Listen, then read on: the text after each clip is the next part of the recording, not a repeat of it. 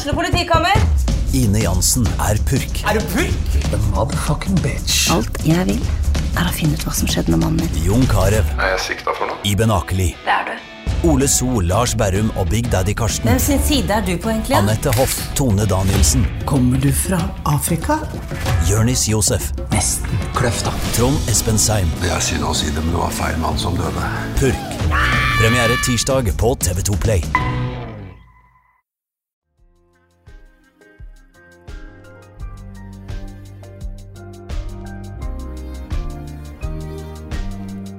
Du hører på Den dama med Synne Muren Olsen og Cecilie Brendehaug Rysjedal.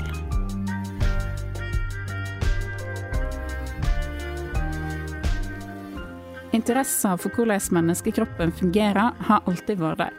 Da Martine Wolff Nesse var ferdig med videregående, bestemte hun seg for å satse på legedrømmen. Hvordan har det vært, og hvordan vil hun sette sitt preg på jobben? Det skal vi finne ut av i dag, men aller først, velkommen skal du være, Martine. Jo, tusen takk. Kan du kort bare fortelle alle der ute hvem du er? Ja. Ja, jeg heter jo Martine Wolff Nesse.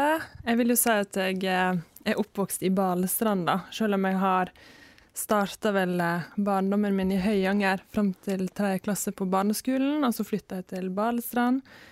Og så bodde jeg vel der til eh, andre klasse på videregående, og så var jeg i Sogndal, da.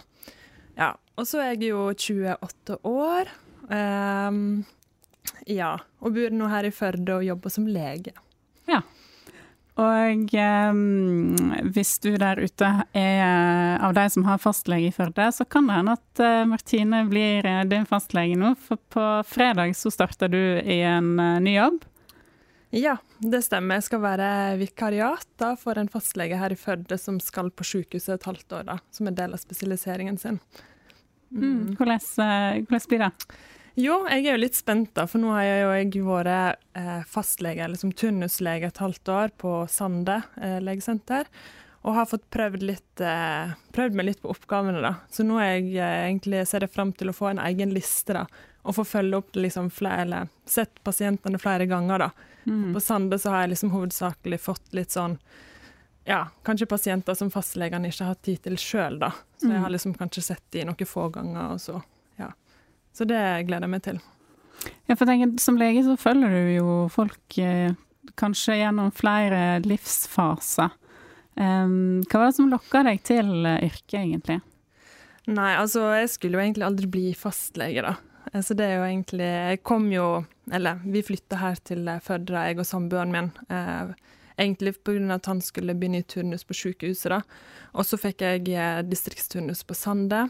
Eh, så var jo planen etter der at jeg skulle bli barnelege og begynne på Førde sykehus, da. Og så ble jeg jo litt bitt av basillen av eh, fastlegelivet med at, eh, ja, som sagt, at du får jo sett alle i sine forskjellige livsfaser, altså alt fra barn til gamle mennesker. Um, og så er jo det litt det med å jobbe åtte til fire, da, i hermetegn. uh, ja, så derfor har jeg det bare blitt satt litt på vent, da. Og så hadde jeg en periode nå i um, høst der jeg egentlig var helt sånn vill på hva jeg skulle, da. Så da eh, jobba de ganske godt med rekrutteringen eh, som eller fastlegene her i Førde, da. Så da skal jeg prøve det et halvt år. Mm. Mm. Eh, men kan du fortelle litt om hvordan eh, legeturnusen, eller hvordan legeutdanninga er lagt opp? Altså du har så og så mange år hva skal jeg si, teori, eller Mm. altså på universitetet f.eks. Eh, og så når du da skal ut i den turnusperioden, hvordan er den? Ja, så man har jo um, Nå har jeg faktisk studert i utlandet, da. Ja. Det burde jeg kanskje nevnt i begynnelsen her. Ja, så jeg studerte jo i Ungarn. ja. Um, så da har man, ja, som i Norge, da, seks år med teori eller skole, da. Og så eh, blir man på en måte ferdig utdanna lege, da. Og så er jo eh, her i Norge så er det et sånt system at man må gjennomføre LIS1, da, som betyr lege i spesialisering 1, som er det gamle turnus, eh, der man har ett år på sykehus og et halvt år som eh, altså fastlege da, i distriktet. Ja, så det er jo egentlig det. Og så etter du er ferdig med LIS1, så kan jeg egentlig velge da om du vil gå videre som gynekolog eller fastlege eller, eller indremedisiner eller ja. Mm. Så det er egentlig sånn det er lagt opp, da. Men er det annerledes å studere i utlandet enn i Norge? Altså sånn reg regelmessig, eller hvordan, Ja. Det, ja, det er blitt veldig populært. Eller grunnen til at det er populært, er vel sikkert fordi det er så vanskelig å komme inn i Norge, da. Sånn at veldig mange reiser jo til utlandet. Sånn, sånn som jeg har hørt, så er det faktisk flere i eh, utlandet enn i Norge nå, da, som studerer medisin. Så eh, ja, om det er vanskeligere eller lettere, det er jo sikkert litt vanskelig. Jeg har ikke noe å si om Norge, da, men eh, Min eh, oppfatning av utlandet er jo at det er ganske hardt, da. Og spesielt i Øst-Europa, kanskje. da. Sånn at eh, vi Jeg gikk jo et sånt program som heter 1 pluss 5, der jeg gikk første år i Norge, via Bjørknes eh, høgskole, da, som nå har blitt Oslo nye høgskole. Så da um, gikk jeg ett år i Oslo, og da hadde vi egentlig hovedsakelig alle fagene på eh, universitetet i Oslo. Og så reiste vi ned en hel gruppe, da. Vi var vel rundt 60-70 stykk som reiste ned. Og så eh, hadde vi et sommerkurs, og så var det de som besto det, da fikk lov å begynne på andre året. Og de andre de måtte da gå et slags sånn mellomår da, mellom første og andre klasse. Så da var vi vel 13 som sto. Eh, og så sånn nå til sist, eller nå når jeg var ferdig da, utdanna, så var vi fem igjen da. Vi 60-70 som starta. Ja, så det, var, det er jo ganske høy strykprosent der, da. Mm. Ja. Hvor i Ungarn var dette? Eh, det er en by som heter Pech. Ja. ja. det er helt sør i Ungarn, mm. på grensa til Kroatia. Men det er veldig eller sånn, i og med at det har vært dette programmet med Bjørknestad, så er det vel utrolig mange nordmenn der. Mm. Så når jeg begynte, så kunne vi velge mellom enten å reise til Ungarn eller til Slovakia, da. Ja. Det Slovakia-programmet det er nedlagt nå, da, sånn at nå reiser alle til Ungarn. Mm. Mm. Men ja, du sier at det er hardt, og fikk du tid til å være student? Sånn ja. feste og ha det kjekt? Ja, det er liksom det da med å finne den balansen. For jeg ser jo på det som utrolig viktig. Og liksom, altså skal man klare studiet, så er det òg viktig å måtte ha det kjekt. da. Sånn at uh, man prøver jo å utnytte Vi har jo liksom 14 vek, altså Per semester så har man 14 uker skole, og så er det sju uker eksamensperiode. Så man prøvde jo da i hvert fall utnytte ja, de første sju ukene ganske bra. da, sånn at da, Og så er jo det utrolig fint vær der nede, da. Det er jo faktisk, eller sånn jeg har hørt, at det, det er den eneste byen i Ungarn med tropisk klima. da. Sånn om sommeren så kunne det være hetebølge opp mot 40 grader. da. Mm. Sånn at uh, da var det ekstra kjekt å komme ned i september og oktober og nyte resten av uh, sommeren der, da. Mm. Mm, så eh, ja. Og så er jo det at Ungarn grenser til åtte land. Og det ligger jo egentlig ganske sånn fint til med tanke på at hvis du har lyst til å reise litt rundt, da. Så vi har jo blitt noen turer, eller turer rundt omkring til de nærliggende landene, da. Mm. Mm. Det ser veldig kjekt ut. Ja. Men hvordan er det, for eh, det er jo en litt eh, kontrast til det norske klimaet, hører jeg. Men jeg har òg hørt en del historier om at ja, hva si, tonen en blir møtt på på universitetet, er veldig annerledes enn i Norge. Hvordan opplevde du eh, hva skal jeg si, den, den forskjellen mm. mellom hvordan en, det er forventa at en oppfører seg, og hvordan eh, professorene håndterte dere kontra ja. Norge?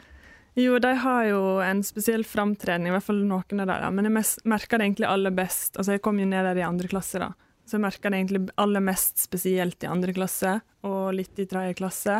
Og etter hvert da så blir man liksom Når de begynner forelesningen, så er det liksom 'dear colleagues', liksom. Og da blir man plutselig kollega og liksom blir sett på liksom faktisk at man er verdt noe, da. Men eh, i andre klasse og sånn, så kan du liksom De prøver jo hele tida å sette deg ut, og jeg tror liksom at det er litt av eh, greia deres der nede, der, at man skal se litt hvem som på en måte tåler det psykisk, da. Sånn at man fikk um, Ja av til høyre at liksom Å, herlighet, ja, du skjønte til å stryke eksamen, eller Og på eksamenene så måtte vi òg ha på oss dress og kjole. Eller liksom pent kledd, da.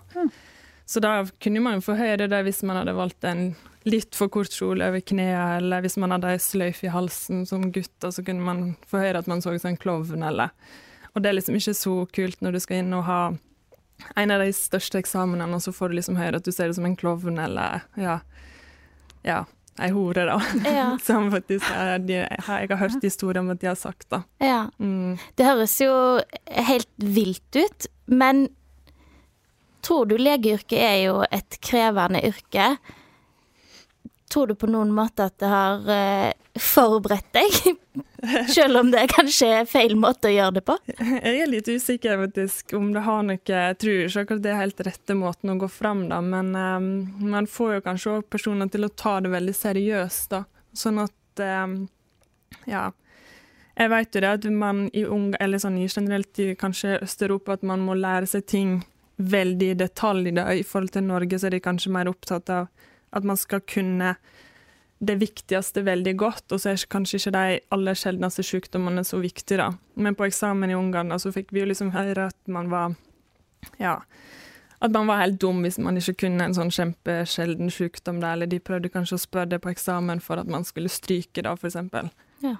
Så om de har blitt mer rusta av det, det er jo kanskje litt sånn tvilsomt, da. Ja. Det er lov å håpe, kanskje.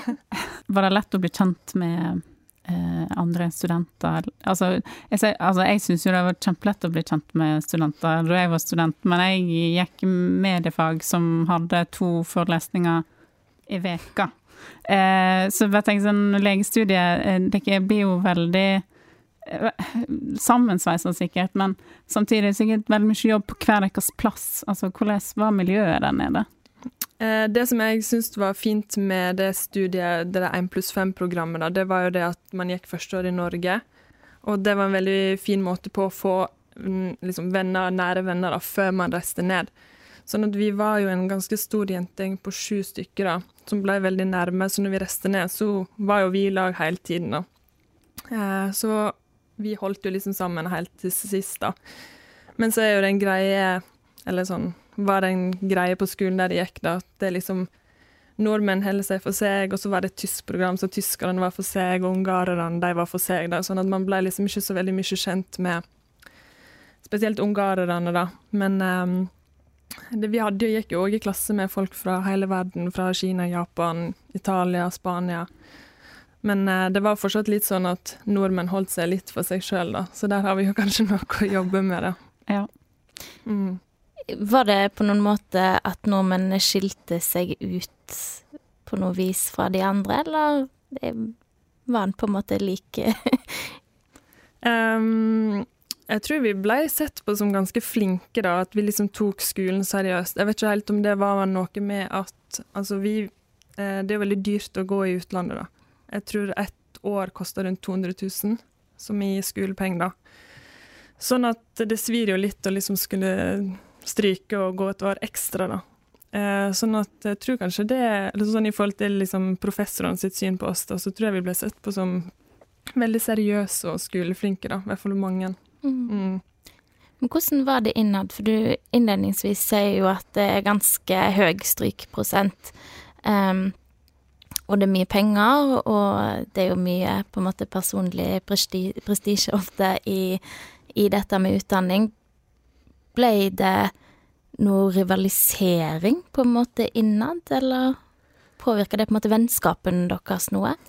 Um, jeg har jo både liksom kanskje Jeg vet ikke om jeg har erfart det så mye sjøl, da, men jeg har liksom hørt Ja, eksempel hvis man skulle ha tak i enkelte notater, at kanskje ikke folk har vært alltid like hyggelige med å dele det, hvis de f.eks. har fått vite noe informasjon om en eksamen, at ja, vi skal kanskje få disse spørsmålene, så var det kanskje noen som ikke alltid ville dele det, ja. Så det er jo kanskje noe som eh, jeg kan bekrefte, ja. Men jeg kan ikke si at jeg har opplevd så veldig mye av det sjøl, da. Mm. Men er det generelt um, Iallfall utenfra så tenker jeg at Eller min erfaring er at leger um, At det er mye rivalisering òg når en er ferdig, da, at det er litt, det er litt status. Jeg vet ikke hva du som lege føler sjøl der, nå når du eh, er blant kollegaer og har eh, ja, fått, eh, fått oppleve litt hvordan det er å jobbe. Ja.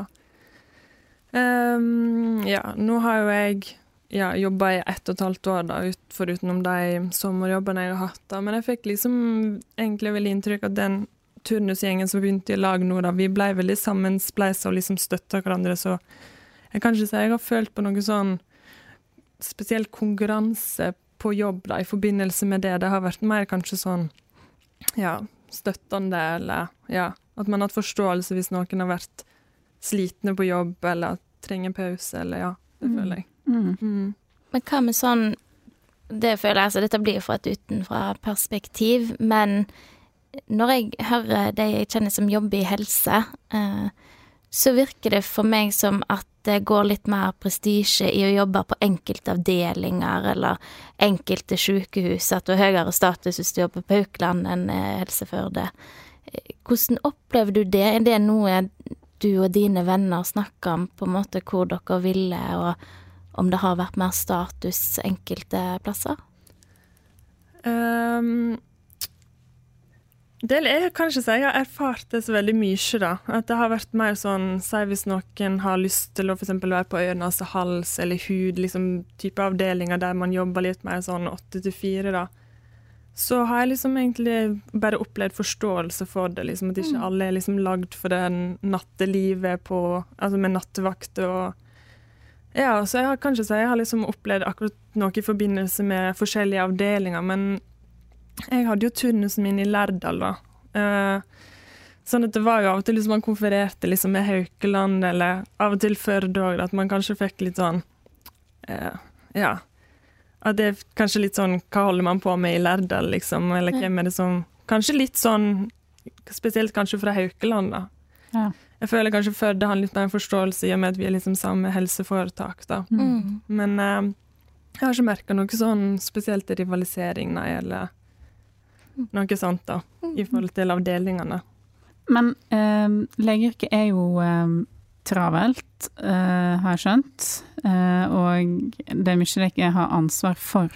Et, altså, du som lege har jo et eh, ansvar for eh, helsa til folk, sant? at de skal få den hjelpa de ønsker og trenger Mm. ha. Eh, er det noe du tenker på hver dag, det ansvaret? Ja, egentlig nesten hver pasient jeg har, da, i hvert fall hvis det er liksom Ja. Og kanskje mest på legevakt, i og med at der kommer folk for liksom akutte ting, da. Men det er jo òg folk som bestiller seg en vanlig legetime, som òg har et problem der man tenker shit, liksom, er dette rett, eller Men der har jeg liksom bare prøvd å slå meg til ro med at man må liksom gjøre den vurderinga ut ifra de symptomene man har akkurat på den dagen, så kan jo ting endre seg altså til neste dag, og dagen etter der så blir ting tydeligere på hva som egentlig var galt. da. Sånn at eh, man må jo liksom prøve å tenke det at folk tar kontakt hvis ting forverrer seg, eller hvis man ikke har et, nødvendigvis et, en fasit på dag én, da. Mm. Men går du he eller har du noen gang opplevd å gå hjem og er skikkelig fortvila fordi du ikke føler at du har eh, Altså du ikke føler at du har gjort nok for en pasient, f.eks.? Uh, ja, det har nok sikkert skjedd uh, uten at jeg helt Eller har jo liksom noen eksempel i hodet mitt der jeg liksom kan komme hjem og tenke å shit, hvorfor tok jeg ikke den prøven, eller hvorfor gjorde jeg det, kanskje jeg burde gjort det istedenfor det, og Så det er jo liksom uh, Ja, man tenker jo ofte på ting når man kommer hjem, da. Mm. Og eh, han som jeg bor i lag med, er jo òg lege, da. Sånn at det skjer jo ofte det at jeg kommer hjem og spør han og ja, hva ville du ha gjort, eller er det noe annet jeg burde tenkt på? Så det er jo egentlig litt godt å kunne ha en liksom, samtalepartner hjemme òg, da. Selv om det ofte blir veldig mye legesnakk. Ja, er det sånn at uh, leger ofte finner i lag med andre leger? Ja.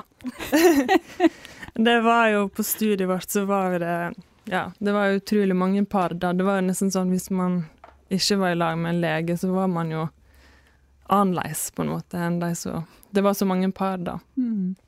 Så det Ja, og jeg ser jo det skjer, eller er en tendens til det i Norge òg, da, så Kanskje man finner støtte i det, at man kan liksom prate hjemme og Ja. ja. Man får litt mer forståelse, da. Mm. Mm. Hva, Traff du han der nede? Ja, Så hyggelig. det gjør det. Ja. Ja. Hvor er han fra, da? Han er fra Bergen. Ja. Mm. Hva syns han om å flytte til Førde? Nei, han er jo veldig fornøyd med det, da. Det er nesten mer fornøyd enn meg. Jeg var litt, eh, jeg var litt skeptisk når jeg kom hit i begynnelsen, for eh, man hører jo liksom bare at det er bare et lyskryss, og jeg har spilt ut fotball her i, i byen, sånn at jeg var veldig skeptisk til å liksom skulle bo her, og jeg måtte jo ha tre måneder turnusen min. Altså, jeg var jo i Lærdal, men så måtte jeg være tre måneder her på kirurgisk avdeling, og da tenkte jeg når jeg kom hit, herlighet, hvordan skal jeg, jeg skal være her i tre måneder? Men så ble jo liksom kjent med den turnusgjengen her, da, og trivdes jo så godt at jeg til og med spurte om jeg kunne få ha hele turnusen min her, da, uten at det gikk. Men, eh, så det var jo kjekt å komme tilbake igjen, og man har jo alt man trenger her, sånn i utgangspunktet, da. Mm. Det er jo ikke langt hjem igjen heller et Balestrand hvis du Nei.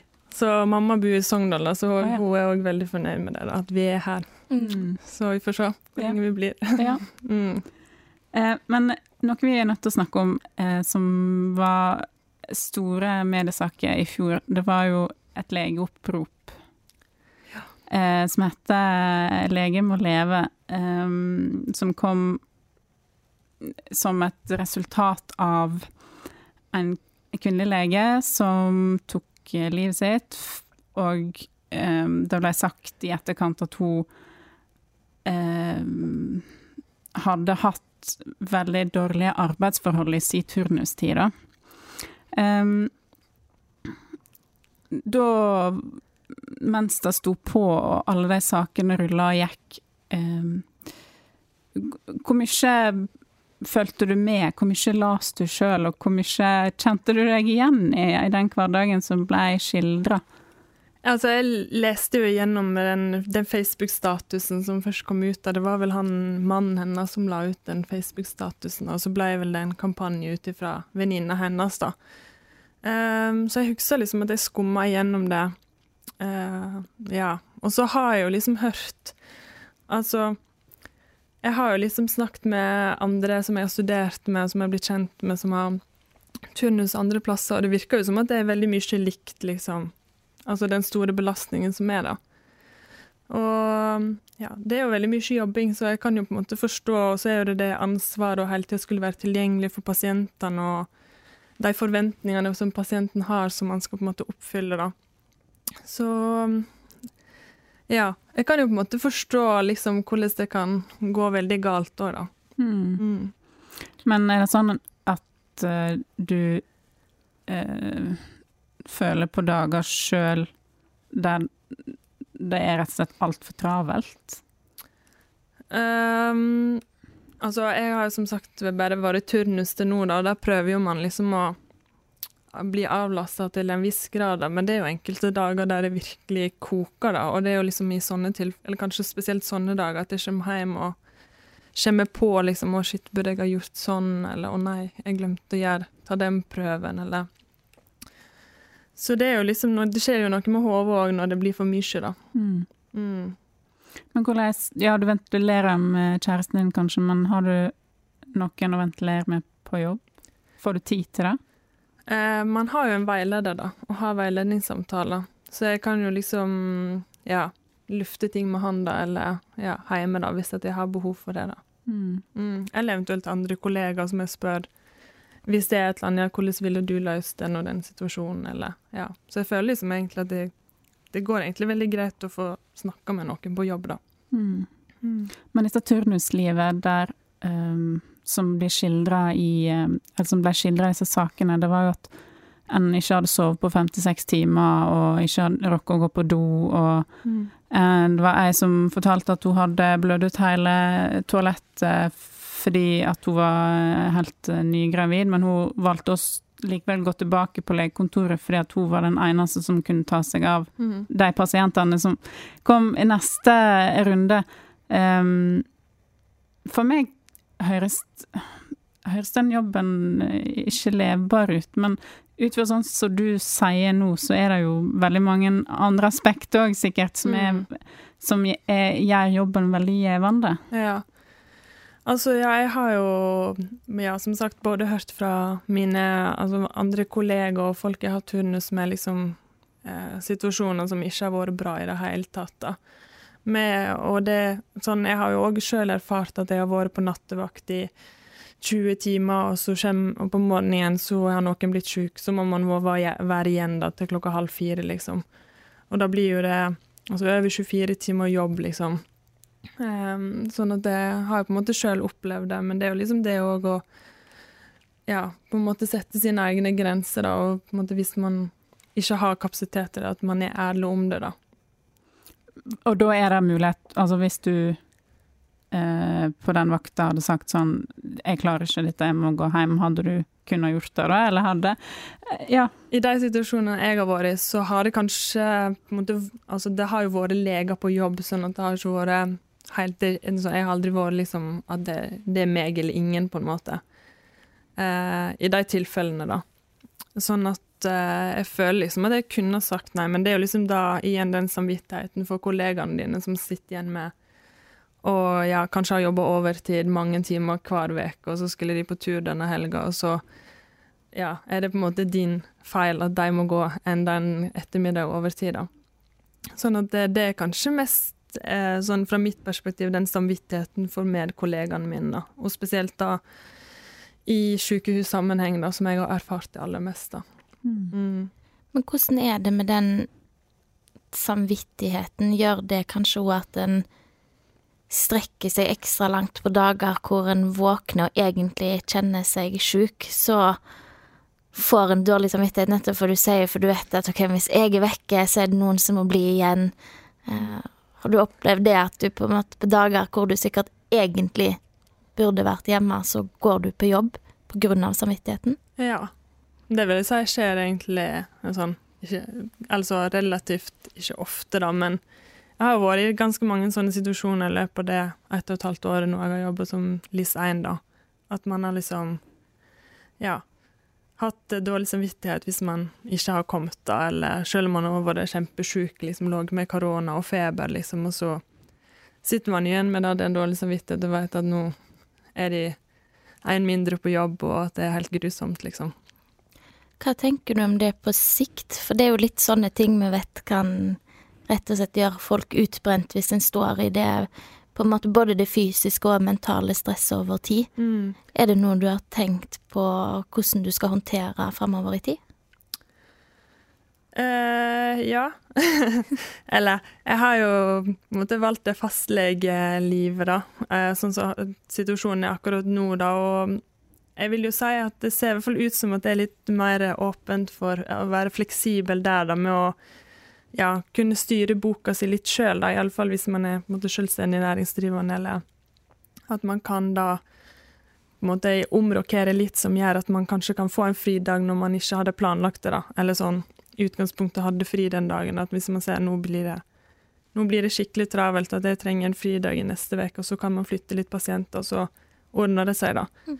Og der blir jo det litt vanskeligere på sykehuset når man skal ja, spørre ti stykker før man finner noen som kanskje tilfeldigvis ikke jobber den dagen og kan jobbe for deg, da. Mm.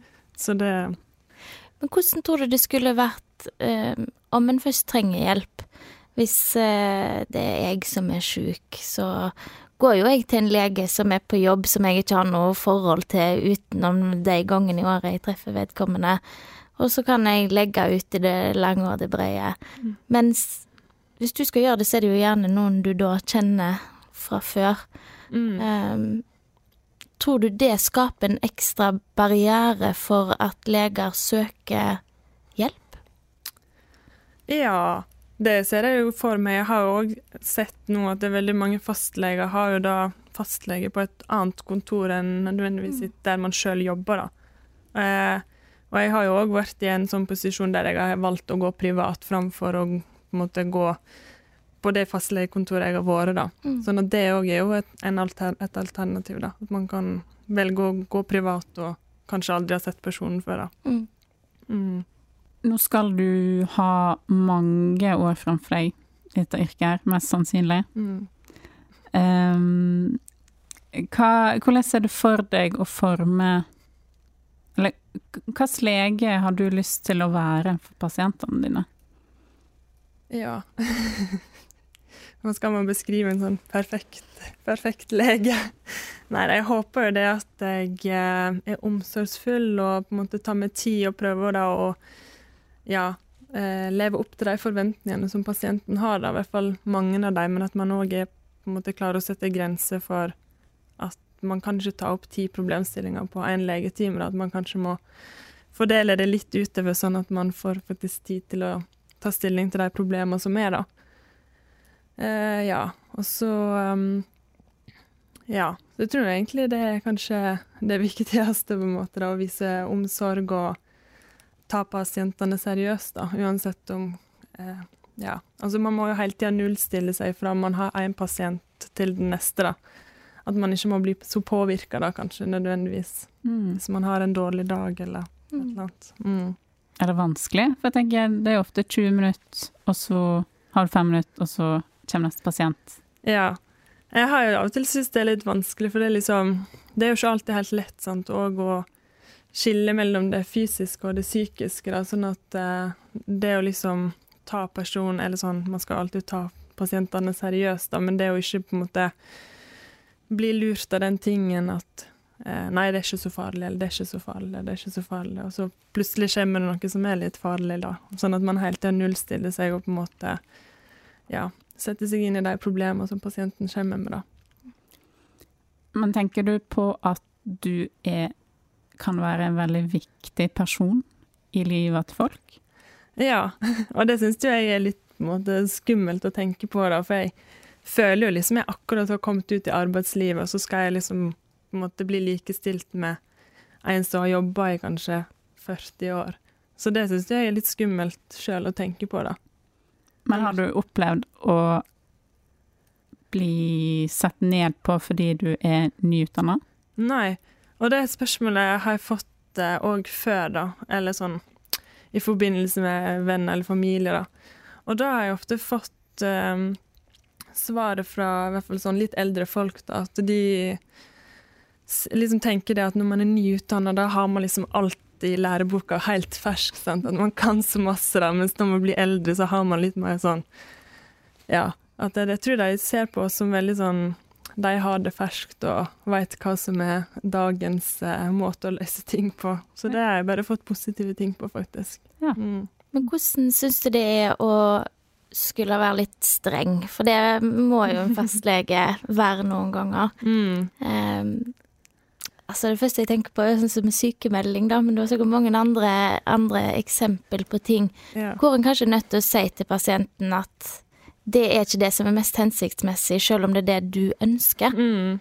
Hvordan er det? Ja, det var jo sykemelding første jeg tenkte på når du sa det. der. Det må være litt sånn streng. Og det hadde liksom Jeg skal ikke si at jeg hadde håpet at jeg var litt mer streng, men jeg gikk jo liksom ut med en sånn For man hører jo liksom det om at ja, det er så mange som er sykemeldt, og liksom, ja Og dårlige indikasjoner for sykemelding og sånn, så jeg tenkte men her, her skal jeg liksom være Her skal det liksom være litt strengt, da. Men så innså jeg jo egentlig ganske raskt at det er ikke alltid det er liksom måten å løse med å være streng på heller, da. Fordi du vet, du kjenner jo ikke helt personen heller, sånn, så du vet liksom ikke helt hvordan de tar det hvis du blir streng. Sånn at det har jeg òg erfart, at det, ja, at det er ikke alltid det løser seg å være sånn kjempestreng, da, men at man selvfølgelig må følge retningslinjene, og det finnes jo en sånn sykemeldingsveileder som man kan på en måte forholde seg i hvert fall til, da. Mm. Føler du at du har endra kanskje syn på situasjoner eller mennesker etter at du ble lege og får de der rett overfor deg? Ehm, jeg kan jo i hvert fall si det at ting kanskje endrer seg fra jeg jobba på sykehus som turnuslege, til man kom ut som fastlege. Fordi på sykehuset så, så alt så veldig enkelt ut. Sånn, når man fikk jo inn alle pasientene, så var det på en måte sagt, eh, liksom skrevet en slags sånn eh, potensiell diagnose. da. At man tenkte sånn, ja, men det her var jo åpenbart. Eller liksom, nei, men herlighet, hvorfor han tenkte her, det her var jo helt feil. fordi på røntgen så ser man jo det, eller på de ja, 20 andre blodprøvene som vi tok her på sykehuset, de Altså, ting virker veldig åpenbart, da, mens når man kommer ut som fastlege, så Altså, da har du jo alle diagnosene i hele læreboka da, som man skal på en måte utelukke. Så det har jo jeg syns på en måte har vært veldig utfordrende, da. Eller sånn fått et helt annet syn på to forskjellige som man kanskje tenker er ganske like jobber, da, men som er veldig forskjellige. Mm. Men ja, akkurat forskjell på syn på pasientene, det Det er jeg litt usikker på. Ja. Mm. Hvordan er det å møte pasienter på butikken og sånn? Kan du si hei til dem, eller må de si hei til deg før du kan hilse på dem? Ja, dette har jeg spurt litt sånn andre kollegaer om, for jeg har liksom ikke vært i så mange sånne situasjoner før, da, men det som av og til er litt vanskelig også, er at man ser en person, og så kobler man at man har sett den før, men så er ikke alltid jeg klarer å huske, shit, var det Var det mammaen til ei venninne av meg, eller var det liksom en pasient? Så av og til så er det det liksom nesten automatisk sier hei, da. Men jeg har liksom skjønt det at man skal helst vente på en måte et signal fra pasienten før man sier hei, da. Men hvis det er litt sånn en pasient man kjenner godt, da, eller liksom sånn kanskje vet at de ikke så har så lyst til å vite at, de, at de, andre skal vite at de har vært hos deg, da. Så er det kanskje bare at man unngår det, kanskje øyekontakt, da. Bare sånn at man plutselig ikke så en, eller ja, at man går for den teknikken. Mm. Jeg lurer jo òg på den jobben du har, um, og den utdanninga du har tatt. Har du måttet forsake noe som du angrer på? Eller som du har tenkt Eller at du for eksempel har følt at um, nå har jeg gått glipp av ting? Ja, det føler jeg på en måte. Selv om jeg har opplevd utrolig mye med å studere i utlandet og liksom lært veldig mye av meg sjøl med å altså flytte helt alene til et nytt land og et annet språk og en annen kultur og sånne ting. Men jeg har gått glipp av veldig mye hjemme òg, i forhold til sånn venner, arrangement, altså Jeg har jo heldigvis vært hjemme alle julaften, men det er en sånn uheldig periode for oss, for det er midt i eksamensperioden. Uh, men jeg har jo gått glipp av utrolig mange bursdager, altså familie, slags bursdager, store bursdager, bryllup har jeg gått glipp av. Sånn at jeg jeg føler jo liksom at jeg har ofra en, en god del for å være der nede òg, da. Mm. Føler du at det er verdt det? Nå er det verdt det, for nå er jeg kommet hjem igjen og endelig kan liksom være med på alt igjen, da. Men eh, ja, jeg vil jo si at det absolutt har vært, vært eh, strevet, da. Jeg har fått en veldig god utdanning, og jeg er nok sikra jobb, i hvert fall framover, ja, til jeg er gammel. Sånn at eh, jeg er veldig glad for det. Jeg har fått veldig mange gode venner på studiet og fått opplevd mye der, da, så jeg prøver nå heller kanskje å tenke på det. Og så er det på en måte å prøve å ta igjen det tapte her, da, med å by litt på seg sjøl og ta kontakt igjen med de vennene som en kanskje ikke har- snakket med på noen år, da. Mm. Bor du i Førde om fem år? Eller bør du ha flytta til Ungarn igjen? Bergen? Ikke Ungarn, i hvert fall. Men uh, altså Jeg skulle jo egentlig ikke til Førde i det hele tatt, så og Da er vi to. Ja. Tre. Så altså, liker vi veldig godt her, sånn at det kan godt være at vi er her noen år, men om det blir ett eller ti, liksom, det er helt umulig for meg å si nå, da. Mm. Kjæresten min har veldig lyst til å fortsette spesialiseringen sin på sykehuset, da. Um, så vi får se. Jeg håper iallfall at uh, du finner deg til rette i din nye jobb i Førde. Eh, og uh, så lykke til med, med den, og med alt du skal oppleve her. Um, tusen takk for at du ville komme til oss, eh, Martine Ja. Tusen takk for at jeg fikk komme. Veldig kjekt.